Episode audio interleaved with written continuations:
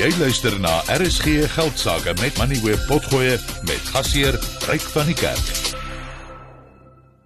Maar kom ons kyk eers wat het op die markte gebeur en die insetsel word geborg deur Finbond Groep Beperk.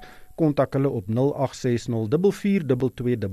Finbond Groep Beperk. Chantel Marx, sy is hoof van beleggingsnavorsing by FNB Private Wealth. Sy sit hier langs my in die ateljee. Goeienaand Chantel. Ja, lelike dag op die beurs, maar hier is een tabel op die Moneyweb aanwyserblad wat vir my uitstaan en dit is dat en dit is die tabel vir nuwe 52 week laagtepunte. Dit beteken as die laagste vlak wat 'n maatskappy die afgelope jaar teen verhandel en daar's groot name hier. Ehm um, uh, MTN, Barloworld, Vodacom, Tungela, South 32. Uh, dit is groot Suid-Afrikaanse maatskappye wat uh, letterlik wel baie duidelik onder druk is. Um, ons gaan nou oor Supergroep ook gesels. Uh, waarna waarna Henko verwys het 8% af. Ehm um, maar ons het nou al gesien 'n paar maatskappye selektiewe maatskappye, individuele maatskappye wat afhanklik is van die Suid-Afrikaanse ekonomie vaar goed. Maar maatskappye soos MTN en Vodacom, Barloworld selfs ook dis uh, dit wys jy daar is druk op baie van hulle. Ja, en daar's druk reg oor Afrika en daar's daar's eintlik druk reg oor die wêreld van 'n uh, 'n ekonomiese groei perspektief af. As mens kyk na 'n maatskappy soos Barloworld, ja, daar is probleme plaaslik ook. Daar is nie genoeg belegging in die in die myn of nuwe belegging in die mynwese nie. So daar daar daarom het hulle ook onder druk gekom oor die laaste 6 maande of so. Maar as mens as mens bietjie weier kyk, het hulle ook probleme opgetel in byvoorbeeld Rusland waar daar ander probleme is. Ehm um, dan maatskappye soos Vodacom en MTN telekommunikasiegroepe oor die algemeen is die laaste ruk onder ongelooflik baie druk. Seker die laaste jaar is hierdie aandelepryse onder baie druk en op 'n afwaartse koers. MTN spesifiek met 'n groot gedeelte van sy ehm um, sy verkope as sowel as sy winste wat uit Nigerië uitkom en die Nigeriese ehm um, naira het so verswak oor die laaste jaar dat dit 'n massiewe impak gaan hê op hulle op hulle verdienste op die einde.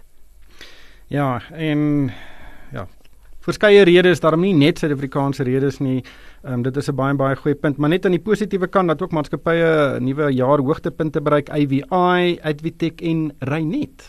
Ja, ek het dit nogals interessant gevind. So Reinet 'n nuwe 52 weke hoogtepunt ten spyte daarvan dat British American Tobacco 'n baie groot deel van hulle onderliggende onderliggende bates ehm um, uitmaak. British American Tobacco het ons gesien vaar 'n klein bietjie beter nadat hulle ongelooflik ehm um, 'n ongelooflike negatiewe prysreaksie gehad het uh, in Desember laas jaar toe hulle gesê het dat hulle 'n baie groot gedeelte van hulle Amerikaanse besigheid gaan afskryf.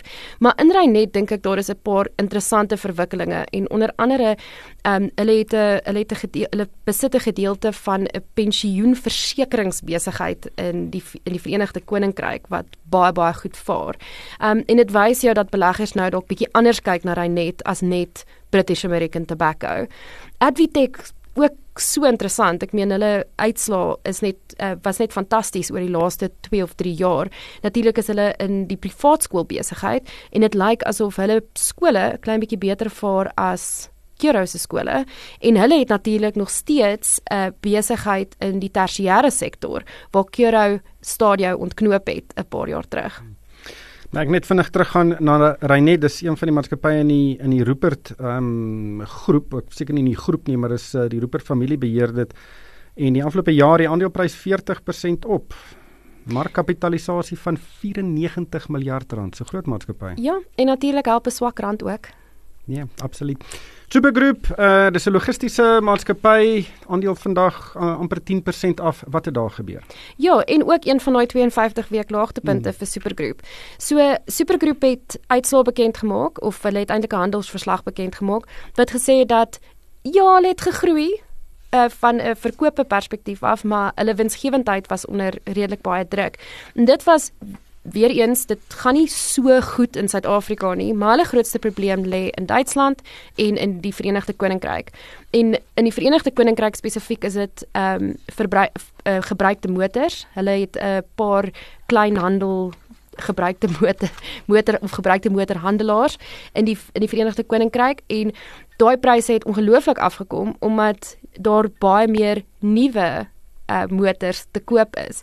Jy sal onthou so 2 jaar terug was daar eintlik 'n probleem om nuwe karre in die mark in te druk as gevolg van COVID-19 wat veroorsaak het dat hulle nie komponente kon kry nie. So baie druk in daai besigheid en dan ook in Duitsland lyk dit asof die ekonomie maar maar sukkel en ehm um, as gevolg van daai twee spesifieke ehm um, dele van die besigheid het dit die hele groep neergebring.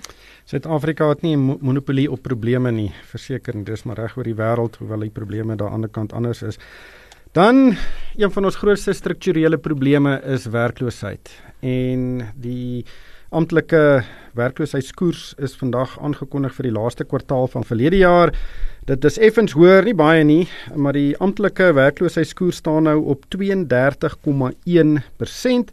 Uh dit is vir mense wat werk soek, maar die mense wat nou al opgehou het om werk te soek, as mense hulle bytel, dan is daardie koers 41,1%. So 4 uit 10 mense wat kan werk het nie werk nie. Ja, en ehm um, dit wys jou of dit dit, dit sê vir jou presies wat die probleem is in terme van ekonomiese groei in Suid-Afrika heidaglik in terme van baie van die ander sosiale probleme wat ons in die land het. Ehm um, ons gaan moet beter doen in terme van indiensneming en elke jaar kom daar nuwe mense ehm um, in in die werk in die werksmark in en elke jaar sukkel ons om daai mense in die werksmark op te neem.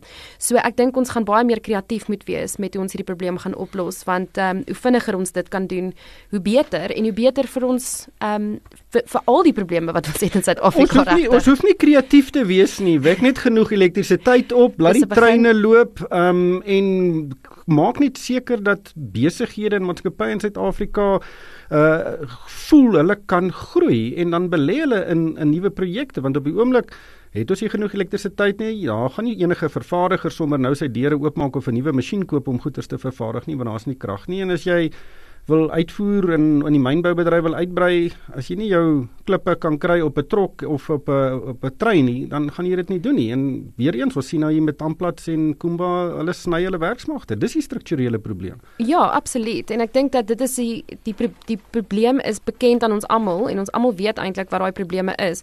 Maar ek dink dit is baie meer gekompliseerd as wat mense dink en ek dink dit is als goed wat op die lys is, maar ons het 'n probleem veral in Suid-Afrika om die goed actually van die lys af te haal. ja, absoluut. Ehm um, en dis nie ja, soos ek sê, dis nie 'n moeilike goed nie. Ehm um, dit is maar net behoorlike regering en en ja. Ons praat elke aand oor die probleme in die land en ek is seker môre met die begroting gaan ons weer gesels oor die planne wat gemaak word om dit op te los. Maar ek kyk hier na die ehm um, verskillende sektore waar daar werks uh eintlik groot skuwe was in die landbousektor het daar 35000 werksgeleenthede verlore gegaan. In die mynbou bedryf verbasend genoeg is daar 37000 nuwe geleenthede geskep. Vervaardiging het 1000 verloor. Die finansiële bedryf het 128000 werksgeleenthede bygekry. So dit gaan relatief goed daar as mens na die uh, aantal werksgeleenthede kyk. Ehm um, so dis eintlik interessant dat die mynboubedryf 'n uh, positiewe syfer het. Die insetsel is geborg deur Finbond Groep. Beperk kontak hulle op 0860442211 Finbond Groep beperk.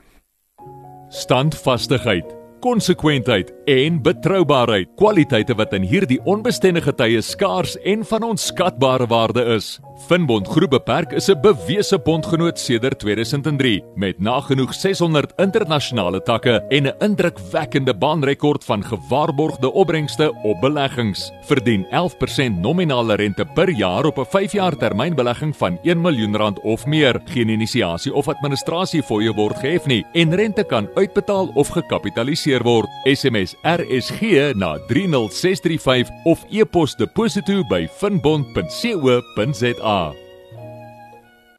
Jy het geluister na RSG Geldsaake met Money where potgoe elke weeksdag om 7 na middag.